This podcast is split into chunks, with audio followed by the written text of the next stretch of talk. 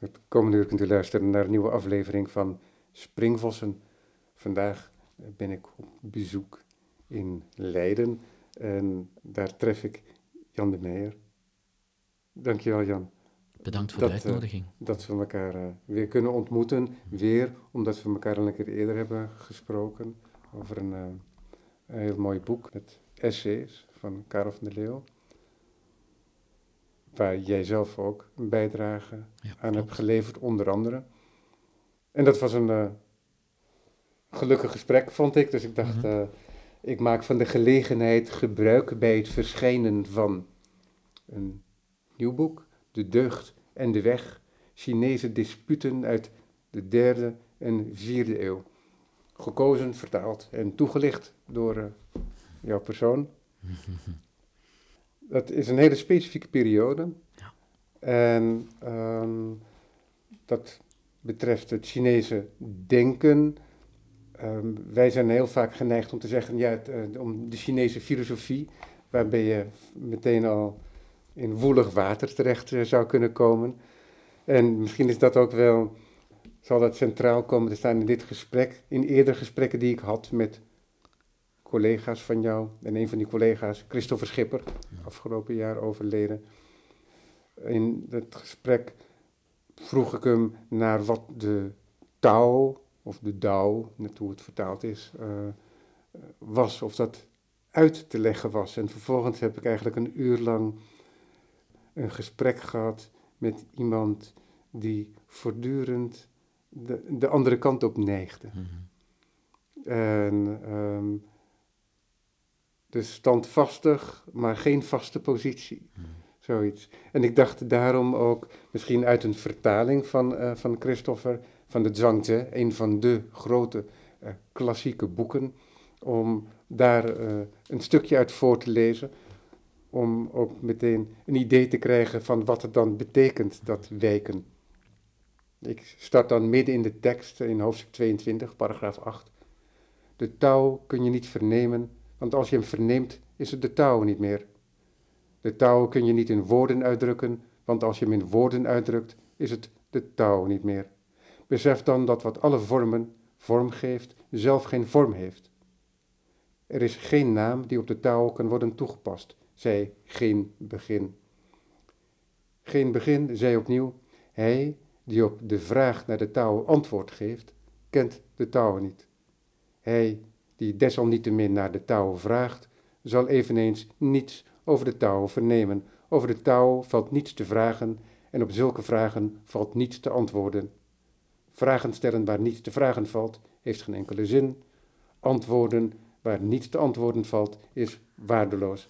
Waardeloze antwoorden geven op zinloos gevraag. Zij die dat doen, hebben nooit hun blik naar buiten gericht om het heelal te aanschouwen, noch binnen zichzelf gezocht naar de kennis van de grote oorsprong. Daar eh, laat ik het dan bij. Eh, er wordt wel meteen wel iets heel erg duidelijk. eh, en er wordt meerdere dingen, zou je kunnen zeggen, die, die hier oplichten. Dus de voortdurende ontkenning van een vaste positie, van ehm, ook een mogelijkheid tot categoriseren. En daar zijn wij juist zo dol op hier Ja. in het Westen. Eh, dat, dus dat zal nog wel voor, eh, eh, een, tot een mooi onderwerp, een mooi gesprek leiden, denk ik, het, eh, het komende uur. Maar dan aan het einde staat er ook ja, over die blik naar het heelal gericht, dus het kosmische en het innerlijke. Mhm. En dat is eigenlijk ook gewoon het leven, denk ik. Dat daar, en dat is ook het idee dat je als individu deel hebt aan het grote en dat je dat delen hebben eigenlijk nooit mag onderbreken. Is dat eh, enigszins eh, in de juiste richting? Dat gaat helemaal in de juiste richting. En wat het doet ook, het stuk dat je net hebt voorgelezen, maakt duidelijk dat eh, dit gesprek tot op zekere hoogte zinloos is. En dat het boek waar je naar verwijst, De Deugd en de Weg, dat het ook gevuld is met zinloze dingen. Want het zijn pogingen die in een bepaalde richting kunnen gaan. Want het, het, eh, het boek bestaat uit disputen Maar misschien moet ik eerst iets vertellen over de, over de, de achtergrond. Waarom die, die periode van de derde en de vierde eeuw zo bijzonder is. Ja, want, want, wat belangrijk is, denk ik, is dat de Zwangte, dat is een verzameling teksten mhm. die uh, niet één auteur kent, um, ook duidelijk een ouder deel kent mhm. en een doorgewerkte deel waarin andere invloeden ook uh, merkbaar zijn, zelfs het Confucianisme. Ja. Um, en dat dateert globaal zo uit de vierde en derde eeuw voor Christus. Ja, vierde, derde, tweede eeuw voor Christus. Heel veel boeken uit van hè, de boeken die wij nu beschouwen als de, als de Chinese klassieke literatuur, hebben maar echt vaste vorm aangenomen in de tweede eeuw. Daarvoor waren dat heel vaak losse stukken die circuleerden in, um, in een, een bepaalde vorm. En in de tweede eeuw, tweede en eerste eeuw voor Christus, hebben de, de meeste van die boeken, ook de Lunyu bijvoorbeeld, hè, dus de Analecta van Confucius. Men associeert altijd. Uh, Vertaald als de gesprekken van, door Als de gesprekken, precies. Men denkt altijd dat is een boek dat heel dicht in de tijd staat bij de tijd waarin Confucius zelf leefde. Maar eigenlijk heeft dat eeuwen geduurd voordat dat die boeken uh, via een heel ingewikkeld proces van compilatie um, verrijkt zijn geworden tot, uh, tot de, de vorm waarin wij ze nu kennen. En met Zhuangzi is het ook niet, niet anders. Hè. Je hebt heel veel verschillende um, uh, gedachtenstromingen die daarin in samenvloeien. Maar één gedachte die heel sterk spreekt in dat citaatje wat je net hebt voorgelezen, um, dat gaat heel erg naar de de onuitspreekbaarheid van de essentie. Als we dan de Tao de essentie mogen noemen, de Tao de Jing van Lao Tse. Uh, ik zeg van Lao Tse, maar wie was Lao Tse? Niemand weet dat. Uh, niemand weet ook precies wanneer het boek is geschreven. Maar in de eerste woorden uh, van het boekje wordt gezegd dat de Tao onuitspreekbaar is. En elke naam die je eraan kunt geven is nooit een constante naam. Dus de naam die altijd geldig blijft. En dat wantrouwen ten opzichte van het gebruik van woorden, dat um, is een van die grote paradoxen in het Taoïsme. Want ook Taoïsten zijn genoodzaakt om gebruik te maken van woorden om hun eigen standpunt herkenbaar te maken. Je, je kunt dromen van de leegte, je kunt bezig zijn met de leegte, je kunt heel je leven een belichaming laten zijn van de leegte, maar om te kunnen communiceren met andere mensen moet je nu eenmaal gebruik maken van die krukken. Ik vergelijk ze vaak met krukken, die woorden zijn. En daarvan is dit boekje met die disputen ook een, eh, een mooie illustratie, want je vindt in nagenoeg elke tekst, nagenoeg elk dispuut, dat al dan niet werkelijk heeft plaatsgevonden, vind je een illustratie van. Hè, de, iemand heeft een, een eer, veel eer Taoïstisch standpunt en iemand verdedigt eerder het standpunt van een meer conventioneel georiënteerd Confucianisme, wat zich niet al te veel um, principiële vragen stelt. Maar, maar die woorden zijn nu eenmaal nodig. Ja. Mag ik vragen, zojuist zet je iets af tegen uh, de leegte. Um, wat zou dan de leegte zijn? Ha, in de Chinese context moet je de leegte nooit beschouwen als een absolute leegte.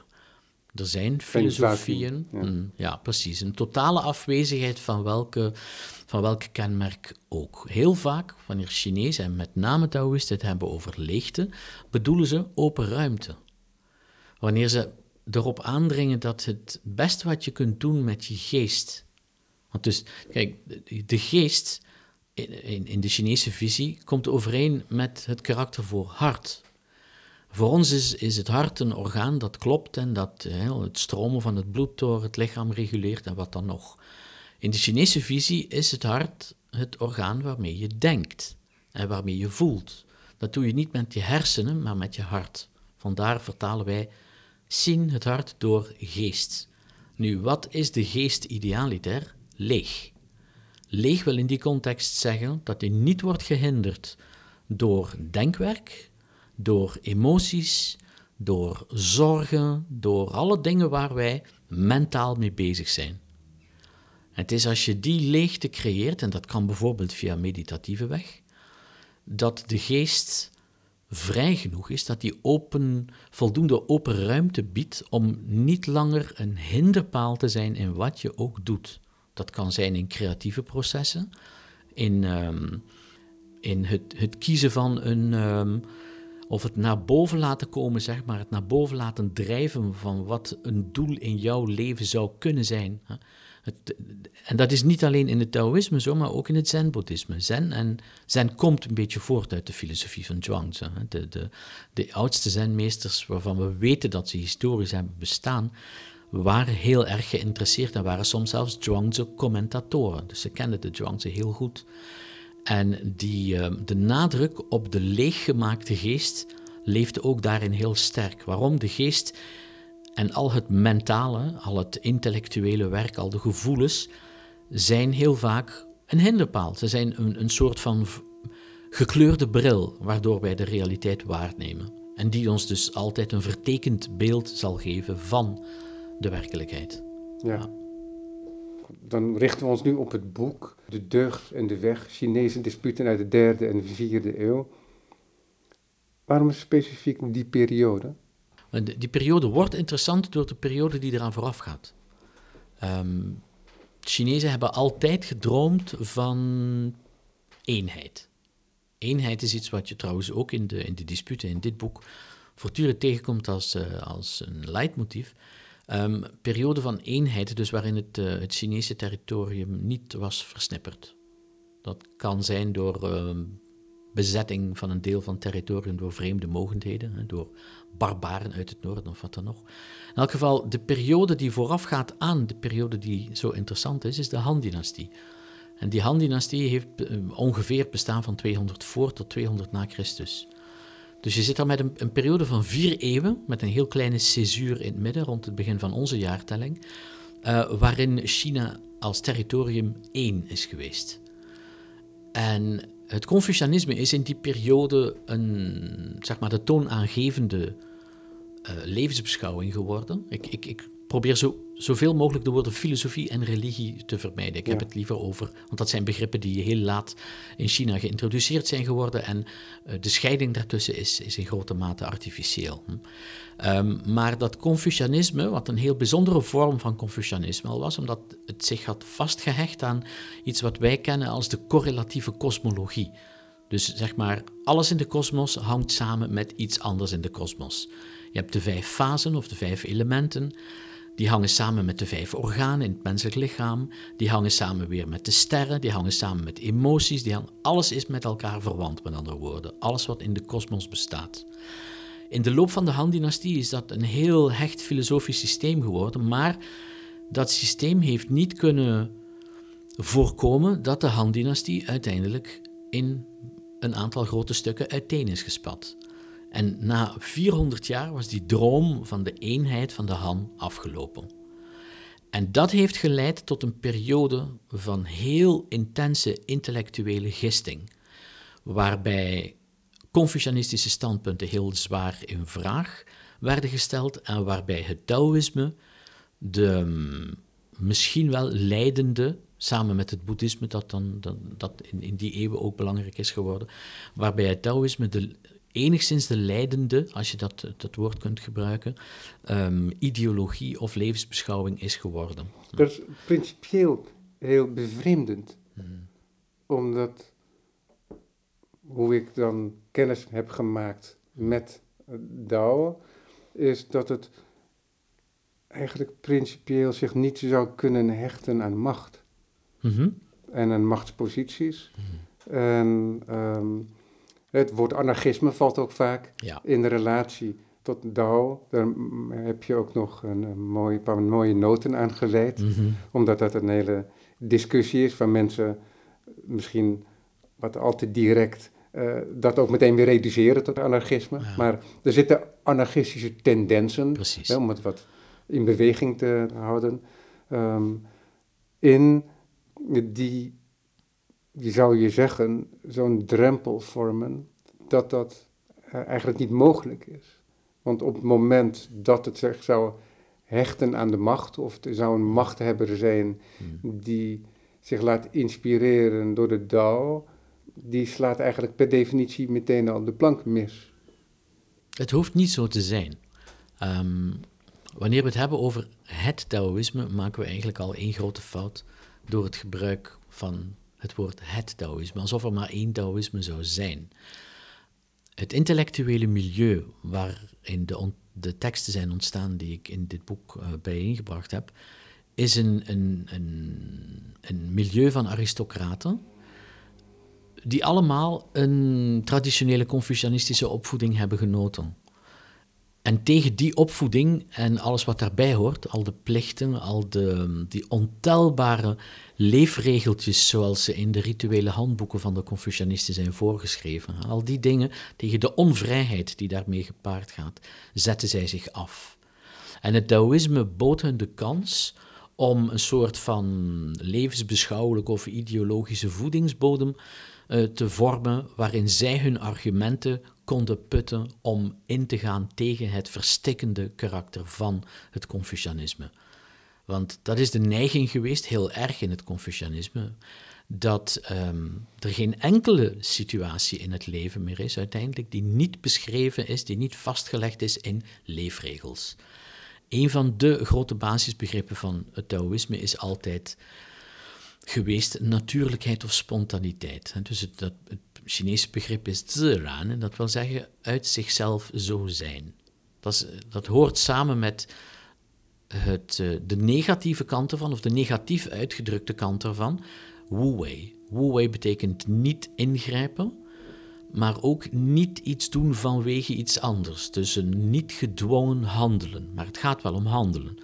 Wu-wei is geen inactiviteit. Het betekent niet dat je gewoon bij de pakken blijft zitten en niks meer doet, met gekruiste armen zit afwachten tot wanneer er iets gebeurt. Het betekent dat je handelingen niet gemotiveerd zijn door iets anders. Net alsof de, een, een, handeling die heel vaak wordt genoemd als beeld om Wu-wei te beschrijven, is een, een vogel die vliegt. Of een vis die zwemt. Die doet dat zonder daarbij na te denken. Mocht, er is een, eh, een, een Taoïstische tekst die zegt, mocht een vogel moeten nadenken bij elke vleugelslag die je maakt, dan stort hij na luttele minuten uitgeput neer. Of nog grappiger, mocht een vis moesten eh, moeten nadenken bij het zwemmen, dan zou hij verdrinken. Het beeld van een verdrinkende vis vind ik wel heel goed gevonden. Maar uh, in elk geval, dat zijn dus twee beelden, die, twee begrippen die aan elkaar zijn gekoppeld die natuurlijkheid of spontaniteit en het, het niet ingrijpen, het niet ingaan tegen natuurlijke processen. En dat is dus een van die standpunten die telkens in elk dispuut wordt verdedigd door één van de disputanten, terwijl de andere een meer conventioneel uh, standpunt zal vertegenwoordigen. Ja, ja, ja, dus die positie waar ik het net over had, die maakt dat het onverenigbaar zou zijn. Taoïsme met ja, enige, enige maatschappelijke positie. Er zijn, dat, is, dat is, zou je kunnen zeggen, een soort verabsolutering ja. van de, die natuurgedachte die opgeborgen zit mhm, mhm. in de taal. En daarmee een ontkenning van elke mogelijke culturele vorm dan ook. Ja, maar dus het, het, is, het is belangrijk om in te zien dat ook al wordt het Taoïsme geassocieerd met, uh, met een anarchistische basishouding, het, het, heeft heel weinig te maken met ons anarchisme. Ons anarchisme, het westers anarchisme, is er, is er heel vaak een geweest van het actief gaan bestrijden van bestaande machtsstructuren. Um, het Taoïsme heeft zich altijd geïntegreerd in machtsstructuren of heeft parallel ermee bestaan. Um, er zijn... Dat is misschien dan ook wel deel van. Het is ook een soort overlevingsstrategie, zou je kunnen zeggen. Het is een overlevingsstrategie, maar het is vooral een terugkeer. En dat, dat element van de terugkeer is toch wel van cruciaal belang. Ehm, in de Tao Te Ching van Lao wordt dat gezegd, terugkeren is de beweging van de Tao. Iets waar, de, waar het Taoïsme en het Confucianisme echt uit elkaar drijven. Ook al zijn er zijn heel veel mengvormen geweest van beide. Er zijn zelfs Taoïstische keizers geweest. En kun je onmogelijk stellen, dat is nu een anarchistische keizer. Nee, die man gelooft natuurlijk in het, het uitoefenen van een, bepaalde vorm van macht, maar op zijn Taoïstisch. Namelijk door zo weinig mogelijk in te grijpen in de levens van de gewone mensen. Ja. En, want het hele handboek dat de, de, voor de heerser, dat de Tao Te Ching is, is precies een poging om iemand zo lang mogelijk op de troon te houden.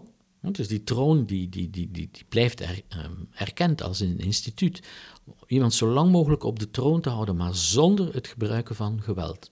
Vandaar die aansporingen om zo veel mogelijk te leven zoals een, eh, een baby dat doet, een zuigeling, met de zachtheid van de zuigeling, de flexibiliteit van een vrouw, de flexibiliteit van water. Dat zijn beelden die altijd maar terugkeren. Hm.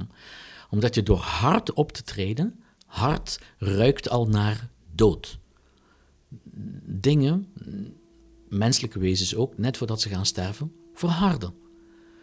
Onderdelen van het lichaam, maar ook het hele lichaam. Als dat hard wordt, dan ruikt het echt al naar de dood. Dus die, je moet terug naar die flexibiliteit.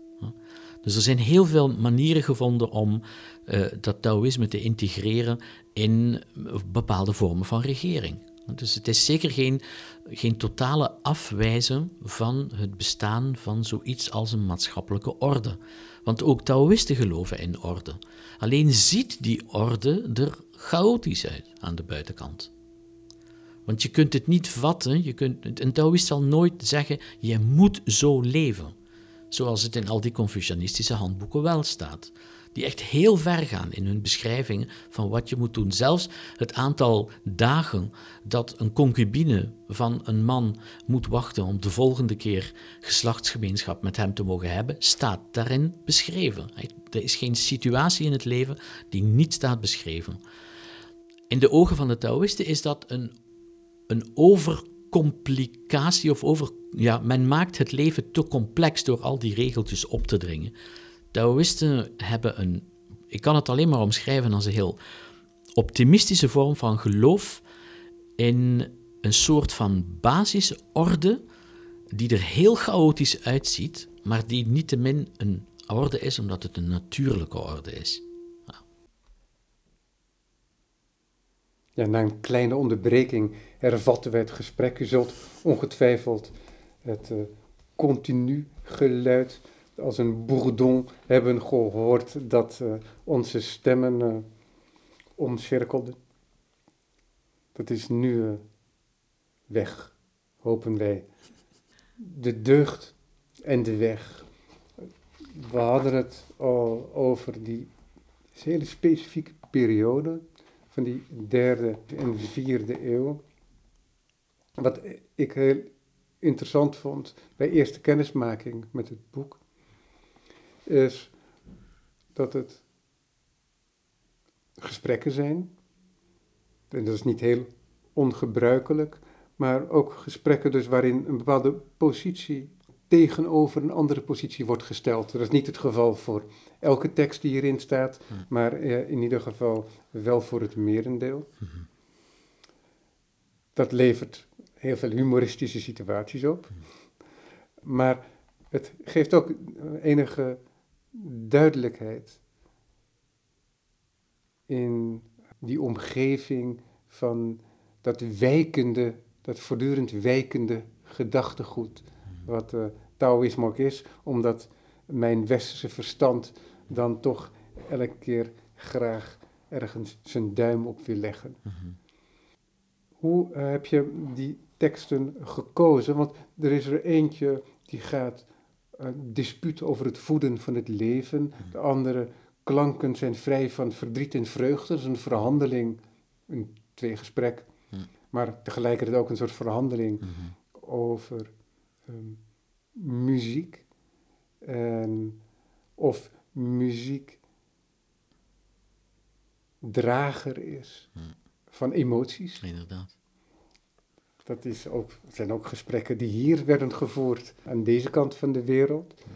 En dan heb je ook nog een dispuut over de spontane liefde voor de studie. En dat is ook een hele elementaire tekst in die zin van, uh, dat het een elementaire tekst is in de balans tussen het Confucianisme en Taoïsme, zou je kunnen zeggen.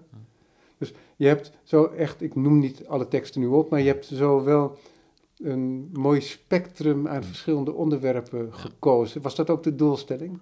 Dat was de doelstelling. Ik wilde een beeld geven van de dingen die uh, een deel van de intelligentia in die periode bezig hield.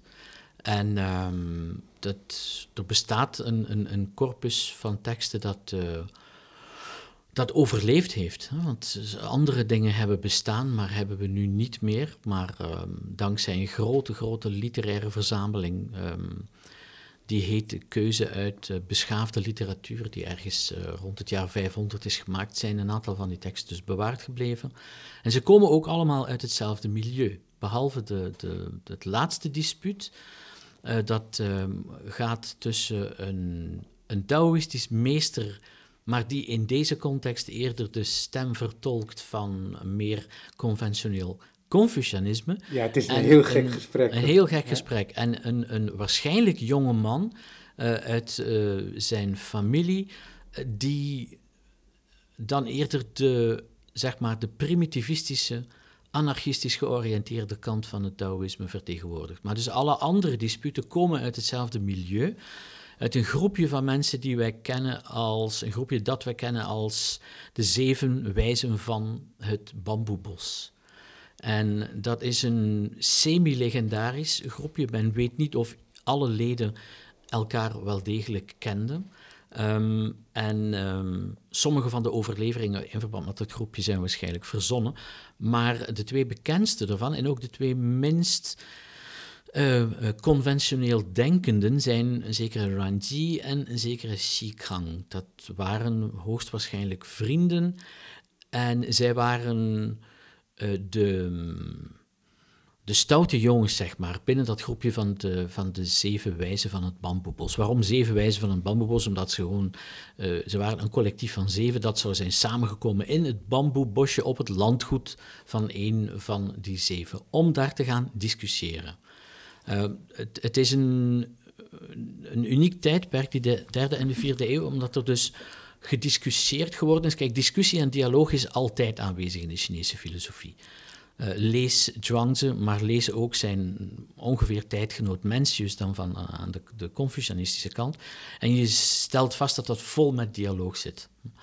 Um, waarom? Sommige van die dialogen zijn echt weergaven van echt gevoerde gesprekken. Andere zijn uh, dialogen die ontstaan zijn in de geest van één persoon, maar die zijn standpunt probeert duidelijk te maken door het voortdurend um, te gaan um, laten afketsen tegen een andere opinie. Maar het, het spanningsveld, de, de, de, uh, het spanningsveld dat tussen die beiden bestaat, is altijd min of meer. Het ene neigt naar uh, het Taoïsme en het andere neigt naar het Confucianisme. In, in het ene zit een drang naar vrijheid, een drang naar natuurlijkheid. In het andere zit een respect voor een geritualiseerde maatschappij vol met conventies. En in dat tijdperk van de derde en de vierde eeuw was dat een heel actueel thema, om die twee dingen, die twee levenshoudingen, met elkaar te laten botsen. Ja. Ja. Ja. Wat heel interessant hierin is, is uh, net zoals in de gesprekken van Job, dat je soms denkt, dat zeg ik nu omdat ik, uh, deelde ik al met je, dat ik de Bijbel nu van voor naar achter aan het mm. lezen ben. Mm. Maar en wat me daarin opviel, is dat je in een veel gecompliceerder verhaal terechtkomt dan je aanvankelijk uh, dacht. Mm. Dus de posities die zijn veel moeilijker te, te bepalen in dat mhm. boek Job dan je aanvankelijk zou denken. Mhm. En dat is een hele gelukkige complexificering van zaken uiteindelijk die de waarde van die gesprekken ook veel groter maken. En net zoals dat jij zojuist voor de eenvoud van het gesprek uh, die tweeledigheid schetst, is het tegelijkertijd ook zo dat je dat ook meteen weer kunt ondergraven. Hè? Ja. Omdat in dat laatste gesprek, zoals je eigenlijk ook al aangaf, dispuut tussen proto-anarchist Bao Ying-Yan, dat is meester Bao, mm. uh, gebruik ik dan maar, omdat mm. dan, dan uh, val ik ook minder in uh, de val van het verkeerd uitspreken. En Ge Hong, en die Ge Hong, zoals je aangaf, die heet dan ook de meester die de eenvoud omarmt, maar grote paradox. De meester die de eenvoud omarmt, neemt inderdaad een soort confucianistische positie in.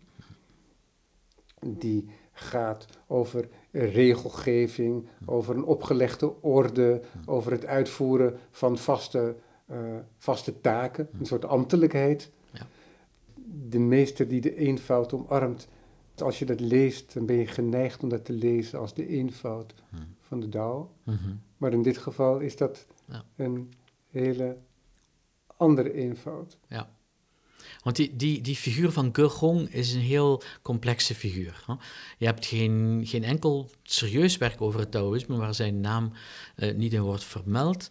Ehm, maar hij heeft een werk geschreven, of nagelaten, hij heeft heel veel geschreven. Ja, wel bijna honderd boeken, of hoofdstukken in elk geval, hè? boekrollen. Ehm, maar het hoofdwerk dat van hem is bewaard, bestaat uit twintig zogenaamde esoterische hoofdstukken en vijftig exoterische hoofdstukken.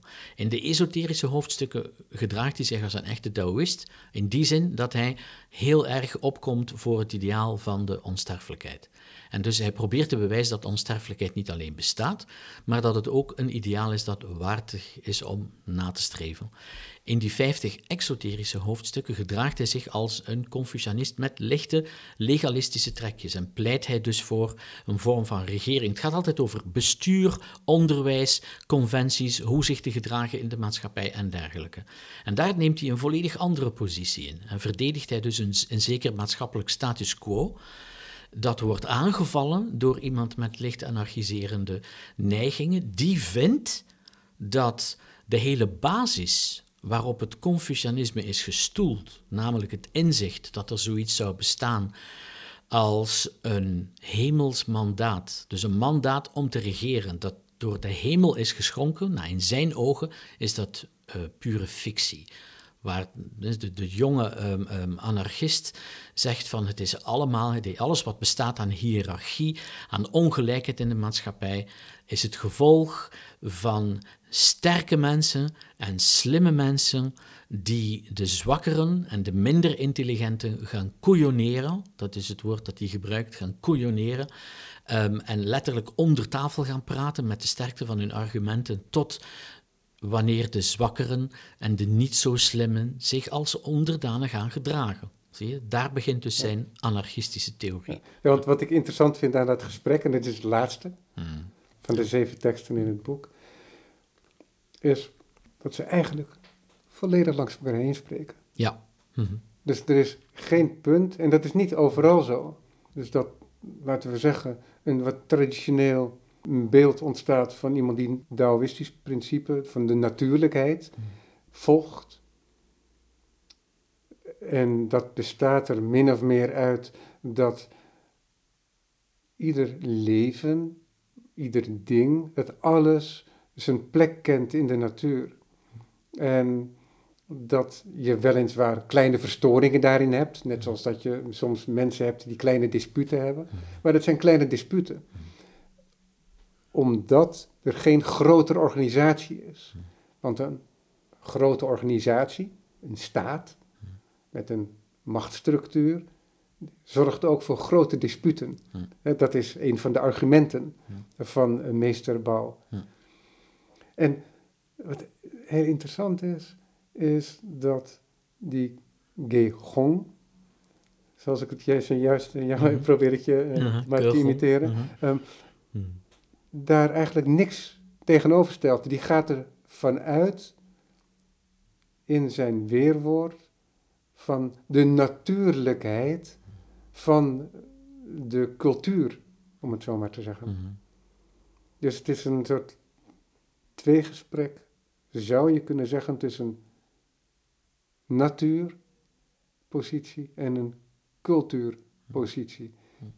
Klopt dat een beetje, als ik dat, zo... Dat zo klopt een beetje. Ze, ze, ze vinden inderdaad nauwelijks wat we common ground zouden kunnen, ze, kunnen noemen. En het bizarre ervan is dat eh, het gaat hier om een tekst geschreven door één man. Want het is allemaal gevloeid uit de pen van die Gergong, van die Taoïst, maar die uiteindelijk een, eh, een Confucianistisch jasje heeft aangetrokken. En hij geeft, hoogstwaarschijnlijk gaat het om zijn neefje. Hm?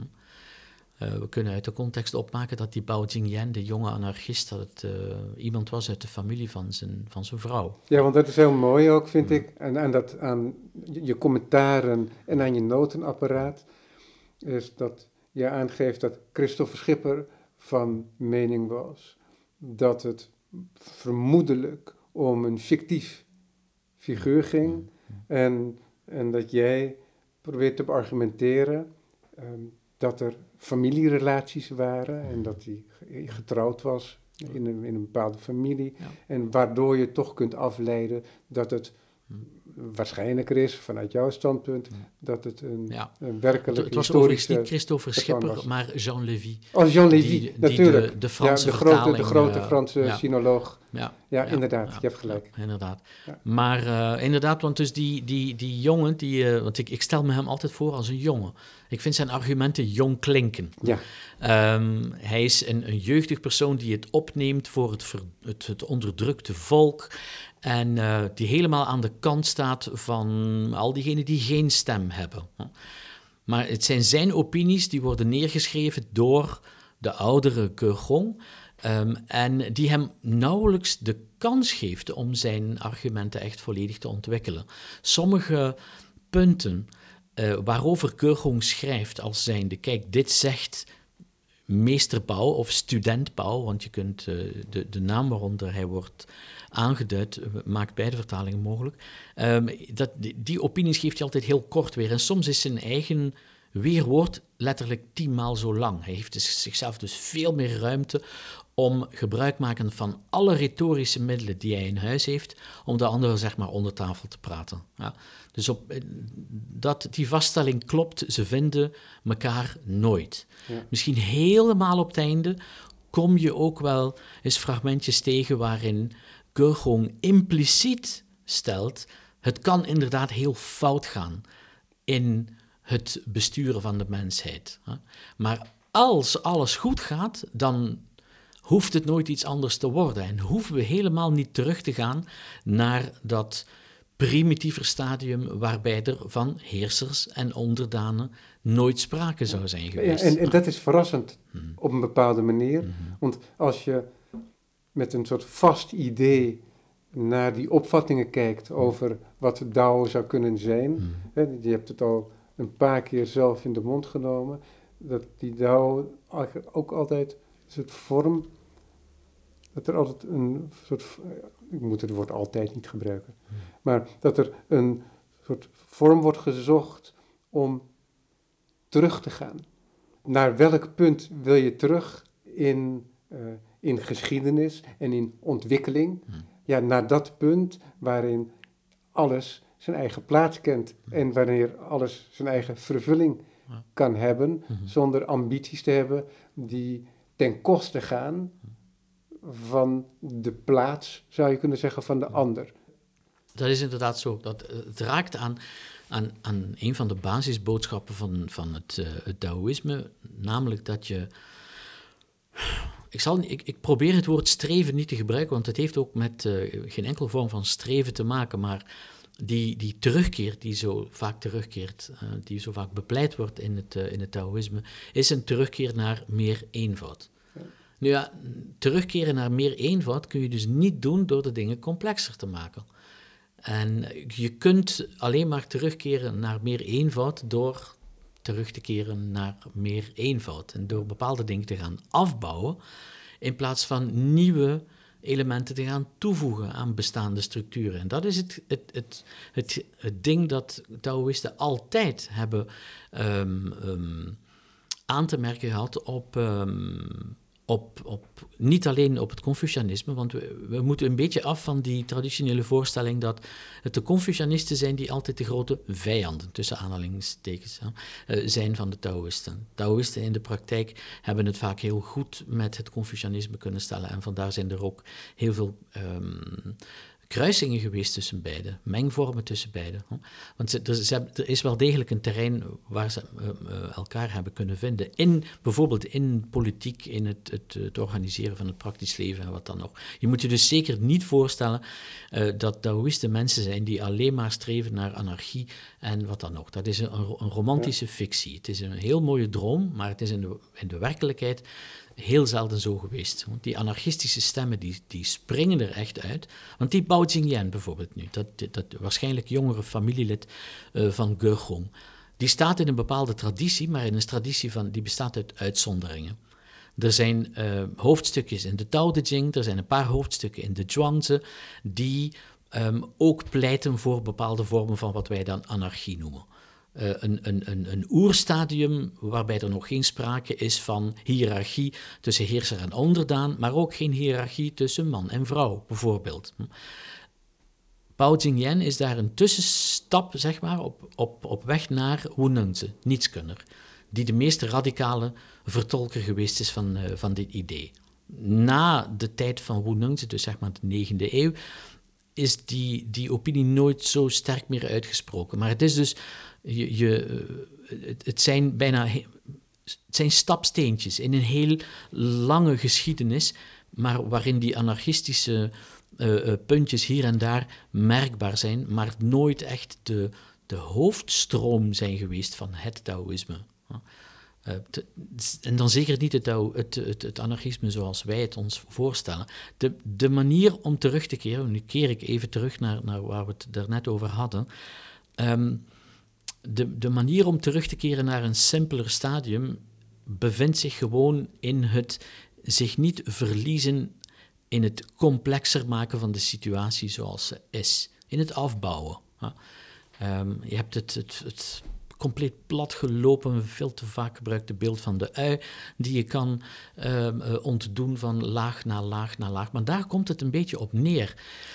Als je erin slaagt om je te ontdoen van alles wat jou is bijgebracht door de typische instituten die de maatschappij maken tot wat ze is, door de familie, door scholen, door wat de kerk of wat eh, religieuze instituten zeggen, het leger, het, alles wat je maar kan verzinnen. Als je je daarvan ontdoet, dan keer je automatisch terug zonder te streven naar, keer je automatisch terug naar een, een stadium van meer eenvoud. En het is nu precies de, het kenmerk van het Taoïsme dat je door terug te gaan naar die eenvoud, terugkeert naar een natuurlijke staat van ordening, waarin iedereen en alles zijn plaats heeft. Waarin dus niet, waarin het niet de taak is van elk individu om te gaan leven volgens een bepaalde blauwdruk, zoals die in een boekje is vastgelegd, maar waarin het individu zijn eigenheid kan gaan manifesteren. En dat heeft veel te maken met het begrip van de leegte, dat zo um, kenmerkend is voor het, uh, voor het Taoïsme, maar wat je nooit moet voorstellen als een absolute leegte. Het gaat erom dat je je ontdoet van uh, voldoende overtollig, uiteindelijk als overtollig beschouwd materiaal, om iets in je eigen uh, zijn, in je eigen wezen, de kans te geven zich te gaan manifesteren. En dat is precies de reden waarom in Zhuangzi, dat echt het meest volledige, uh, uh, de meest volledige Taoïstische verzameling wijsheid is, dat je zoveel praktische, uit het leven gegrepen portretten vindt van levenskunstenaars. En die mensen doen altijd hetzelfde. Die zijn teruggekeerd tot iets in zichzelf, tot een elementje in zichzelf, dat ze konden herkennen als zijnde, kijk, dit, dit is nu waarvoor ik gemaakt ben. dat zijn heel bizarre portretten soms. Je hebt uh, mensen die heel goed kunnen zwemmen, zelf op plaatsen waar zogenaamd vissen verdrinken. Je hebt uh, een portret van iemand die een, een, een, een, een houten raam maakt voor een klokkenspel en die erin slaagt om in de bomen dat helemaal te zien. Uh, voordat hij zich dan aan het werk zet. Je hebt die heel beroemde kok Ding uit het derde hoofdstuk, die al 19 jaar um, um, runderen slacht en nog altijd gebruik maakt van hetzelfde mes, zonder het ooit te hebben geslepen. Het zijn allemaal beelden voor mensen die in zichzelf iets hebben ontdekt wat hun gave is. En die gave is terzelfde tijd ook hun opdracht, hun verantwoordelijkheid. En cultiveer dat en je zal in overeenstemming leven met wat je zelf bent, maar je zal ook niet in aanvaring komen met al die andere individuen die precies dat aan het doen zijn. Dus daar, daar ga je terug naar een natuurlijke, je gaat automatisch terug naar een natuurlijke orde die er anarchistisch of chaotisch uitziet, maar het helemaal niet is, want het blijft een orde en het is een natuurlijke orde.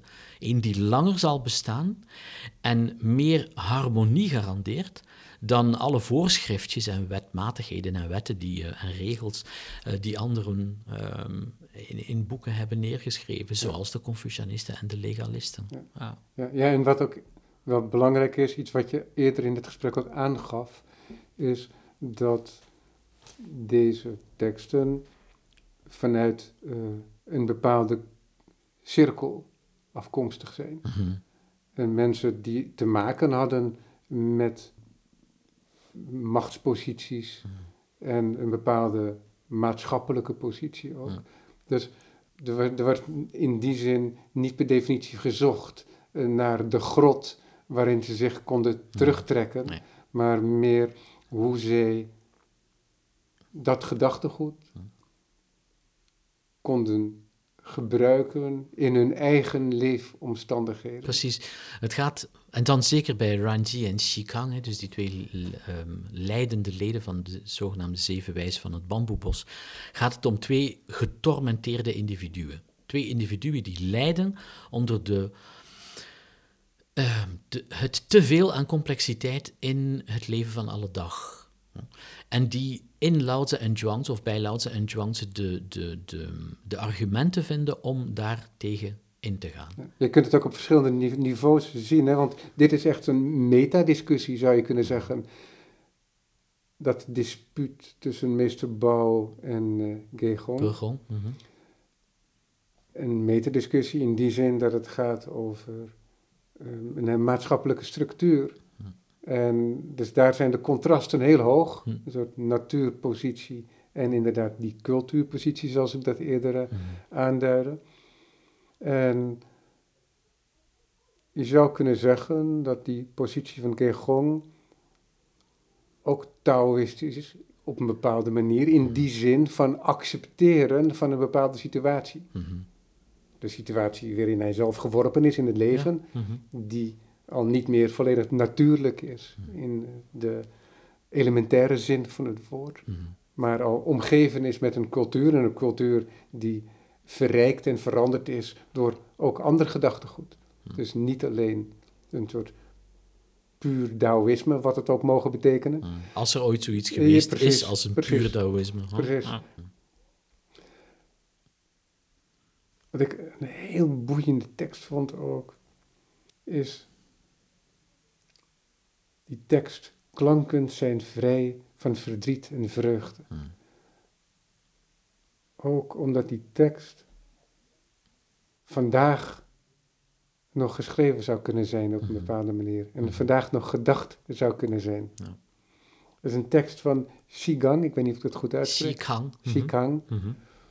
um, weer die figuur, die Shikang, die leer ik van jouw commentaar uiteindelijk ter dood wordt veroordeeld. Ja. Mm. Ja, de die aanwezig is in, in, in, uh, in meerdere teksten, want hij heeft ook een heel boeiende discussie met een ander lid van de Zeven Wijzen van het Bamboebos over niet alleen de mogelijkheid uh, om het leven te verlengen, maar ook de wenselijkheid om dat te doen. Dus je ziet daar dat hij bepaalde Taoïstische principes probeert te integreren in de dagelijkse praktijk van het leven van zijn elite, maar die daar nog niet vertrouwd mee was. Maar dus zijn tekst over. Um, over uh, klanken die vrij zijn van emoties, want daar komt het op neer, um, is um, beschouwd als een van de mooiste traktaten ooit geschreven over de relatie tussen muziek. Hij gebruikt bijna nooit het woord muziek, hij heeft het altijd over klanken. En hij doet dat uh, uh, waarschijnlijk wel bewust, omdat hij. Muziek is, is in, in, in zekere zin al. neigt al te veel of ruikt al te veel naar beschaving, naar cultuur.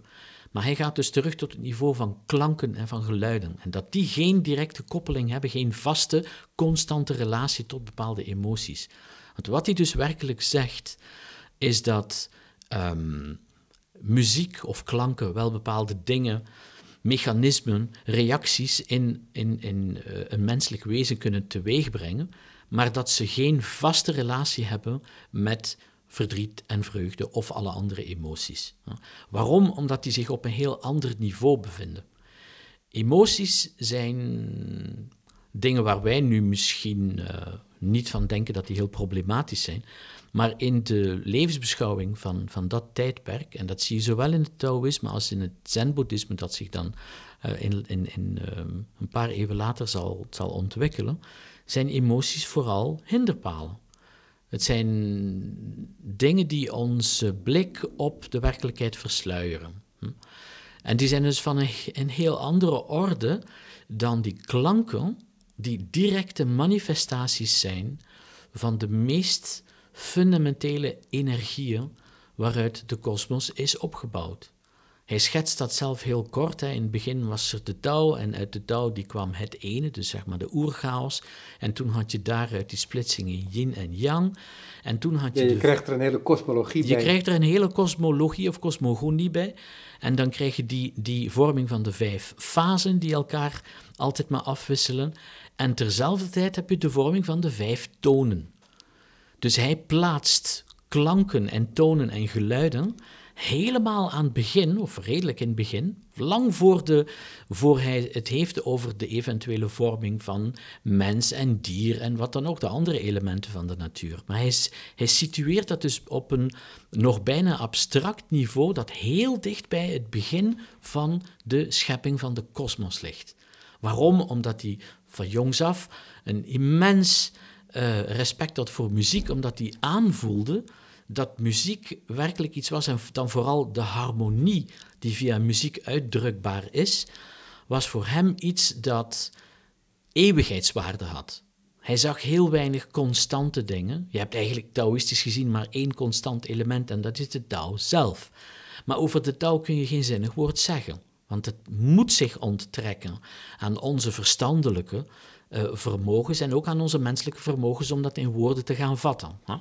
Maar muziek sloot heel erg aan bij iets wat voor hem eeuwigheidswaarde had. En dat is net het punt dat hij vaak op, op een bijna grappige manier uh, probeert duidelijk te maken. Want het, en daarvoor is, daarom is die tekst uh, echt wel uniek en is zij, um, geldt die als een, als een bijzondere literaire creatie. Um, het plezier waarmee gediscussieerd wordt over die materie is altijd aanwezig. Want je, wat hij doet, soms wijkt hij een beetje af van de, van, de, van de draad van zijn verhaal en bijt hij zich enkel nog, nog vast in de opinies van zijn misschien verzonnen uh, disputant. Ja. En, maar je, je, wat je merkt is echt een, een, een reëel plezier in het proberen onderuit halen, maar op een zeer minzame manier, van wat de andere uh, persoon te zeggen heeft. Hm. Ja, ja, maar het is ook een gesprek, hè, nogmaals, dat vandaag posities die vandaag nog ingenomen zouden kunnen worden. Precies, ja. Want een bepaalde klank brengt toch mee in een bepaalde stemming. Mhm. En uh, en dan volgt dan inderdaad dat hele gesprek. Ja, we zijn een, een beetje met uh, etappes door dit gesprek gegaan, door de omstandigheden. Ja, het is een rijk boek. Het is ook heel mooi vormgegeven en heel prettig ook. Het is een hele elegante editie. De Deugd en de Weg, uitgegeven bij Boom. Je andere vertalingen die uitgegeven zijn bij Augustus en tegenwoordig Atlas Contact, die zijn ook nog. Die zijn opnieuw beschikbaar. Ja. ja. Mm -hmm. Dus dat is uh, dan ook wel de moeite waard. Ik zal wel links plaatsen uh, in de aankondiging. Jan de Meijer, hartelijk dank voor dit gesprek. Graag gedaan. De deugd en de weg dus, Chinese disputen uit de derde en vierde eeuw, waar we maar een puntje van de sluier op hebben kunnen lichten. Ja. Of één hoek van het vierkant, Inderdaad. zoals het in het boek Ja, wordt genoemd. Inderdaad.